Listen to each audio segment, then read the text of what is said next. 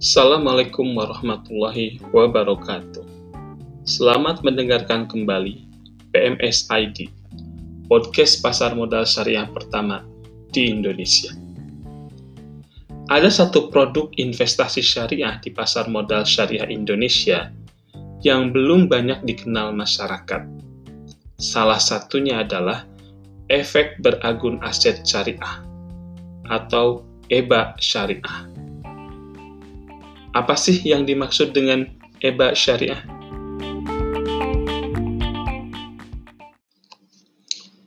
Efek beragun aset syariah atau sering kita dengar dengan sebutan EBA syariah itu adalah salah satu jenis dari produk aset sekuritisasi atau asset securitization.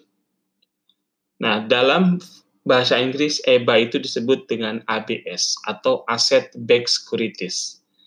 Artinya, EBA adalah produk turunan yang dibentuk dari sekuritisasi sebuah aset yang bukan keuangan menjadi produk investasi. Apa sih yang dimaksud sekuritisasi? Sekuritisasi itu artinya adalah mengkonversi sebuah aset menjadi sebuah produk investasi, di mana konversi itu akan menghasilkan uang bagi si penerbit produk tersebut atau penerbit efek tersebut.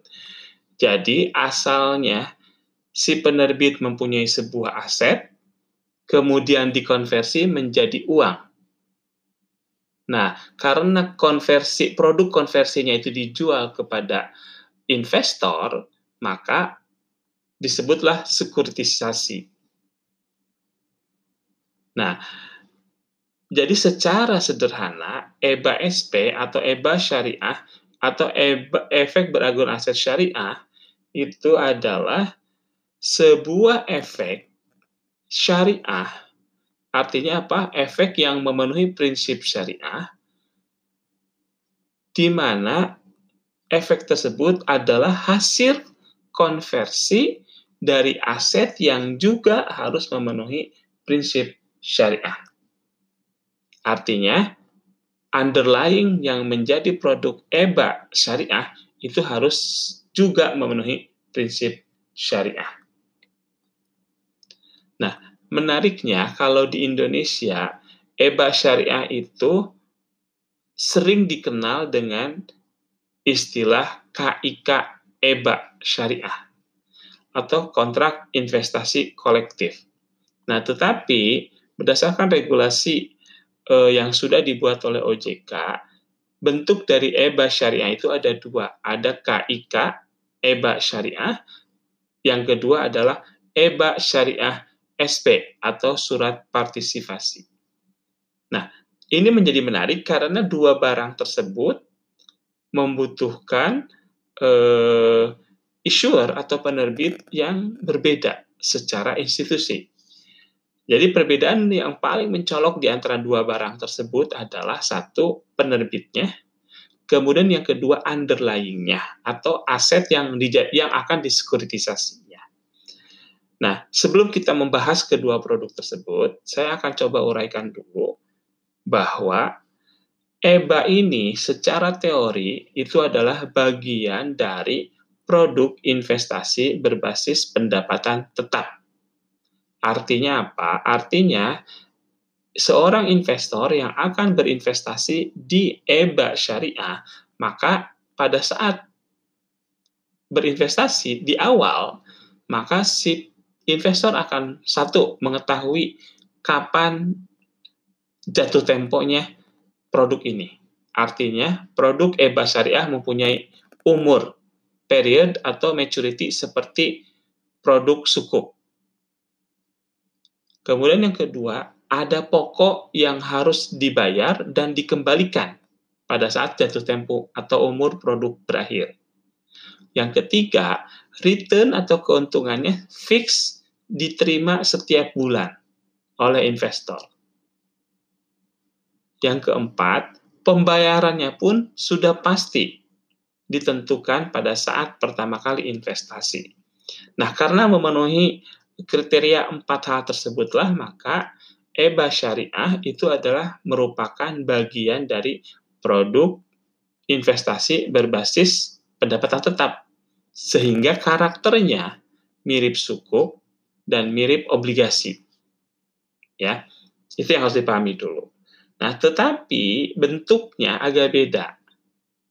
Oke, tadi sudah saya sebutkan, bentuk EBA syariah itu ada dua jenis. Pertama adalah KIK. Kalau kita dengar KIK, maka kita langsung e, terbayang produk reksadana syariah. Karena reksadana syariah pun penerbitnya adalah KIK, kontrak investasi kolektif. Kontrak antar siapa? Manajer investasi dan bank kastedian.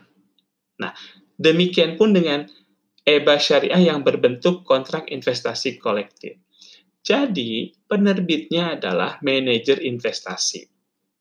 Pemilik asetnya atau originatornya itu adalah bisa jadi bukan si MI ini, tetapi ada pemilik yang lain. Nah, MI ini yang menerbitkan produknya. Nah, sebagai penerbit produk, maka MI ini adalah merupakan eh, pengelola aset. Jadi yang berhubungan dengan investor adalah MI ini. Karena bentuknya KIK, maka seperti reksadana syariah, hubungan atau akad yang digunakan antara investor dengan KIK adalah wakalah bil ujroh. Nah, jadi si investor membeli atau berpartisipasi dalam eh, produk EBA yang diterbitkan oleh KIK ini, nanti si KIK ini, si MI-nya, yang akan mengelola produk tersebut diinvestasikan terhadap kepada portofolio aset. Nah, perbedaannya adalah dengan reksadana syariah. Portofolio aset yang dapat dikelola atau menjadi underlying efek beragun aset syariah adalah portofolio yang bersifat uh, ada di kelompok neraca, tetapi asetnya termasuk aset kategori aset keuangan bagi si pemilik aset tersebut. Misalnya tagihan, gitu ya. Kemudian eh, tagihannya tagihan dagang misalnya. Nah, kalau yang non syariah bisa macam-macam, bisa kartu tagihan kartu kredit, bisa tagihan eh, dagang, kemudian bisa aset keuangan lainnya. Tetapi kalau aset syariah harus memenuhi prinsip syariah. Jadi jangan sampai kejadian atau bahasa fikihnya adalah tidak boleh eh, aset yang dain. Karena kalau dain nanti akan ada cash to cash. Jadi seolah-olah uang ditukar dengan uang sehingga menjadi haram. Tidak boleh secara syariah karena tidak tidak memenuhi prinsip quality quantity yang sama sehingga asetnya harus sesuai dengan prinsip syariah. Nah, kemudian kick EBA ini setelah si eh, apa namanya si MI mengelola portofolionya. Jadi flow-nya sebenarnya sama dengan reksadana syariah. Cuma yang membedakan di portofolionya. Fix kalau portofolio reksadana syariah kan macam-macam. Itu hampir majority adalah produk investasi berbasis uh, securities lainnya, itu saham, sukuk dan sebagainya. Kalau ini enggak. Ini adalah sebenarnya aset current aset lah dari si uh, pemilik aset atau si originator atau dalam hal ini adalah bisa perusahaan. Bukan MI ya, ingat.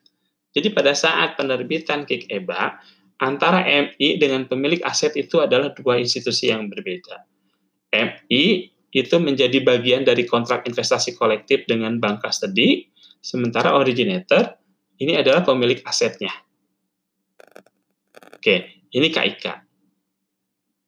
Nah, sementara kalau EBA SP atau EBA Syariah Surat Partisipasi, ini yang unik, penerbitnya bukan KIK. Jadi penerbitnya adalah sebuah lembaga, institusi keuangan, yang bukan KIK, oke. Okay. Kemudian underlyingnya atau aset yang bisa dijadikan sebagai portofolio penerbitan EBA SP itu hanya khusus tagihan pembiayaan eh, pembiayaan perumahan. Jadi kalau dalam bahasa Inggrisnya EBA syariah SP ini seperti mortgage backed securities gitu. Sementara kalau KIK EBA itu adalah asset backed securities yang non mortgage. Jadi bisa pembiayaan lainnya tapi yang sesuai syariah. Oke ya, jadi bedanya dua tuh. KIK EBA syariah penerbitnya adalah MI dan Kastedian. Sementara kalau EBA SP, EBA Syariah SP, penerbitnya adalah institusi keuangan. Kemudian underlyingnya, kalau EBA Syariah SP hanya pembiayaan perumahan. Sementara kalau KIK EBA Syariah itu underlyingnya di luar pembiayaan perumahan. Bisa pembiayaan utang dagang, misalnya segala macam, sepanjang tadi memenuhi prinsip syariah. Sepanjang tadi asetnya adalah bukan dine. Boleh dijadikan underlying. Oke ya, unik ya. Nah, beda dengan reksadana syariah. Kalau meskipun sama-sama KIK ya, kalau reksadana syariah kan nggak ada open end terutama dia tidak ada tidak ada batas waktu investasinya. Nah, kalau kick EBA ataupun EBA SP itu ada jatuh tempo umurnya. Jadi si produk ini ada umur investasinya. Sehingga si investor bisa bisa memperkirakan kapan dia akan balik lagi modalnya dan berapa lama dia harus berinvestasi. Sehingga itulah kenapa digolongkan sebagai aset berbasis pendapatan tetap. Tapi beda dengan sukuk ya. Kalau lupa apa itu sukuk, silahkan dengarkan episode tentang sukuk. Jadi meskipun beda dengan sukuk, tapi dia satu kelompok, satu kelompok produk yaitu efek e, berpendapatan tetap dan juga satu jenis yaitu aset securitization. Ya. Nah, apa sih bedanya signifikan aset securitization antara EBA syariah dengan sukuk, perbedaan signifikan adalah di underlyingnya. Kalau sukuk itu lebih ke real asset, dia ke project atau aset e, bangunan, jadi fixed asset. Sementara kalau EBA syariah itu current asset, pembiayaan, tagihan, kayak gitu. Ya, ya ada di underlyingnya. Jadi jangan sampai bingung ya, sama-sama aset securitization, tapi beda karakternya antara sukuk dan EBA syariah. Sama-sama di kelompok efek pendapatan tetap, tapi beda di underlyingnya. Sukuk underlyingnya fixed asset, sementara EBA syariah underlyingnya adalah current asset.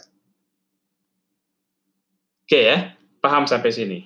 Nah, menariknya, secara regulasi, baik KIK EBA maupun EBA SP sudah ada regulasi OJK-nya eh, tentang efek beragun aset syariah. Satu regulasi. Tetapi fatwanya dibagi menjadi tiga fatwa. Ini yang menarik. Kenapa menarik? Karena regulasinya cuma satu, sementara fatwanya ada tiga.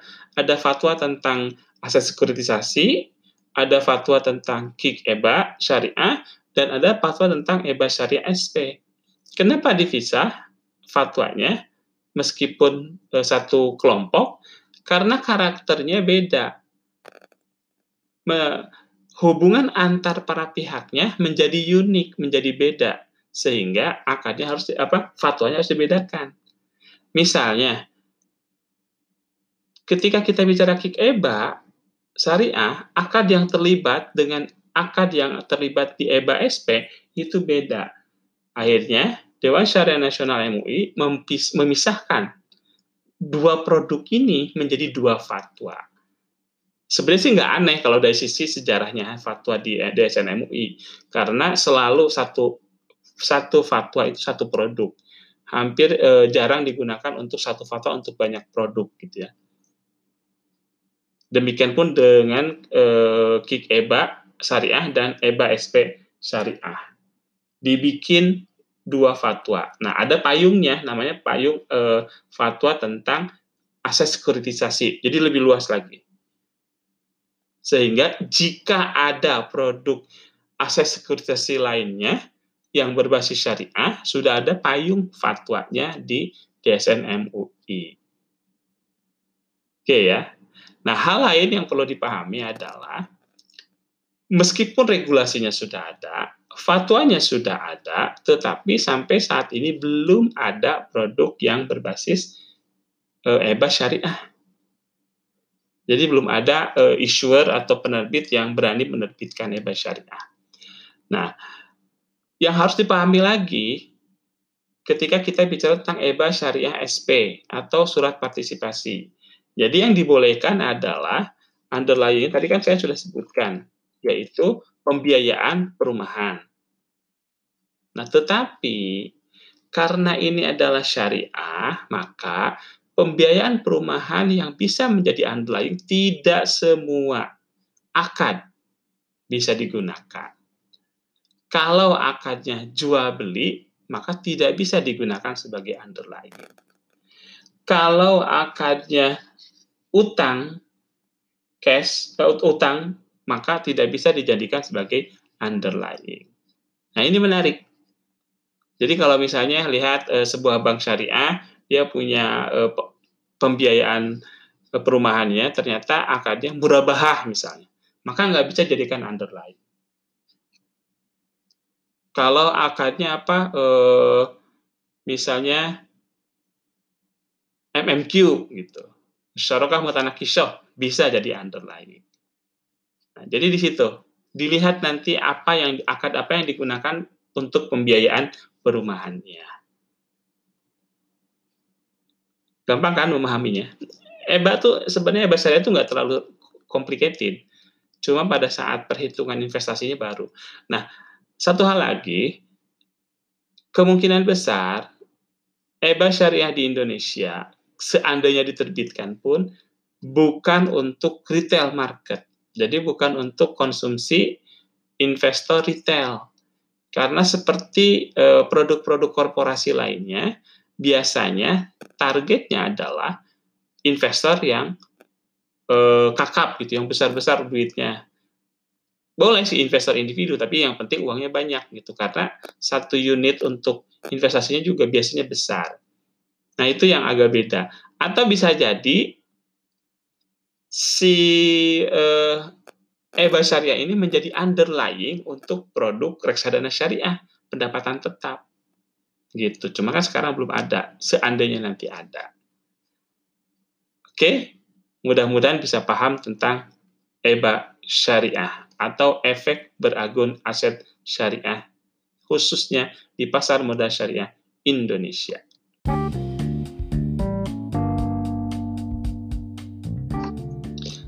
Apa sih tujuan penerbitan EBA syariah bagi sebuah perusahaan?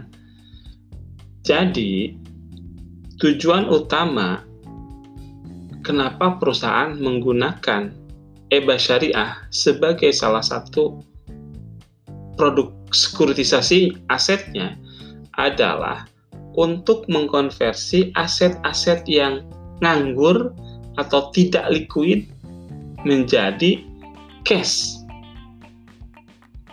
Nah, karena ini adalah konversi yang akan ada jatuh temponya, maka si perusahaan akan memperhatikan antara umur aset liquid yang tidak liquid yang jadi underlying dengan umur produk eh, EBA syariahnya. Misalnya begini. Misalnya perusahaan punya pembiayaan yang berumur eh, 10 tahun. Maka EBA syariah yang diterbitkan akan berumur kurang dari 10 tahun. Nah, itu sehingga tidak mengganggu kewajiban yang muncul dari produk tersebut. Nah, jika underlying asetnya adalah eh, pembiayaan perumahan, untuk EBA SP, EBA Syariah SP, maka harus terjadi antara si originator dengan penerbit itu ada transaksi yang disebut dengan true sale. Jadi ada jual beli aset secara penuh. Sehingga kepemilikan aset pindah dari si originator menjadi uh, menjadi milik si penerbit EBA. Kalau dia KIK menjadi milik MI, kalau dia EBA SP menjadi milik institusi keuangan penerbit EBA syariahnya. Gitu. Ada true share, ada penjualan penuh. Nah, nanti pada saat itu tempo, maka ada konversi balik. Akan ada janji untuk menjual kembali asetnya, sehingga aset yang sudah dikonversi ketika jatuh tempo akan balik lagi menjadi pemilik si originator. Nah, itulah yang eh, yang penyebab kenapa perusahaan memilih EBA syariah sebagai salah satu efek atau salah satu sumber pendanaan bagi perusahaan tersebut. Mudah-mudahan teman-teman menjadi paham tentang produk EBA syariah. Sekali lagi, jangan lupa bahwa EBA syariah bukan suku. Meskipun karakternya sama dan juga bukan reksadana syariah. Meskipun sama-sama berbentuk KIK. EBA syariah adalah efek yang mengkonversi aset lancar menjadi produk investasi syariah.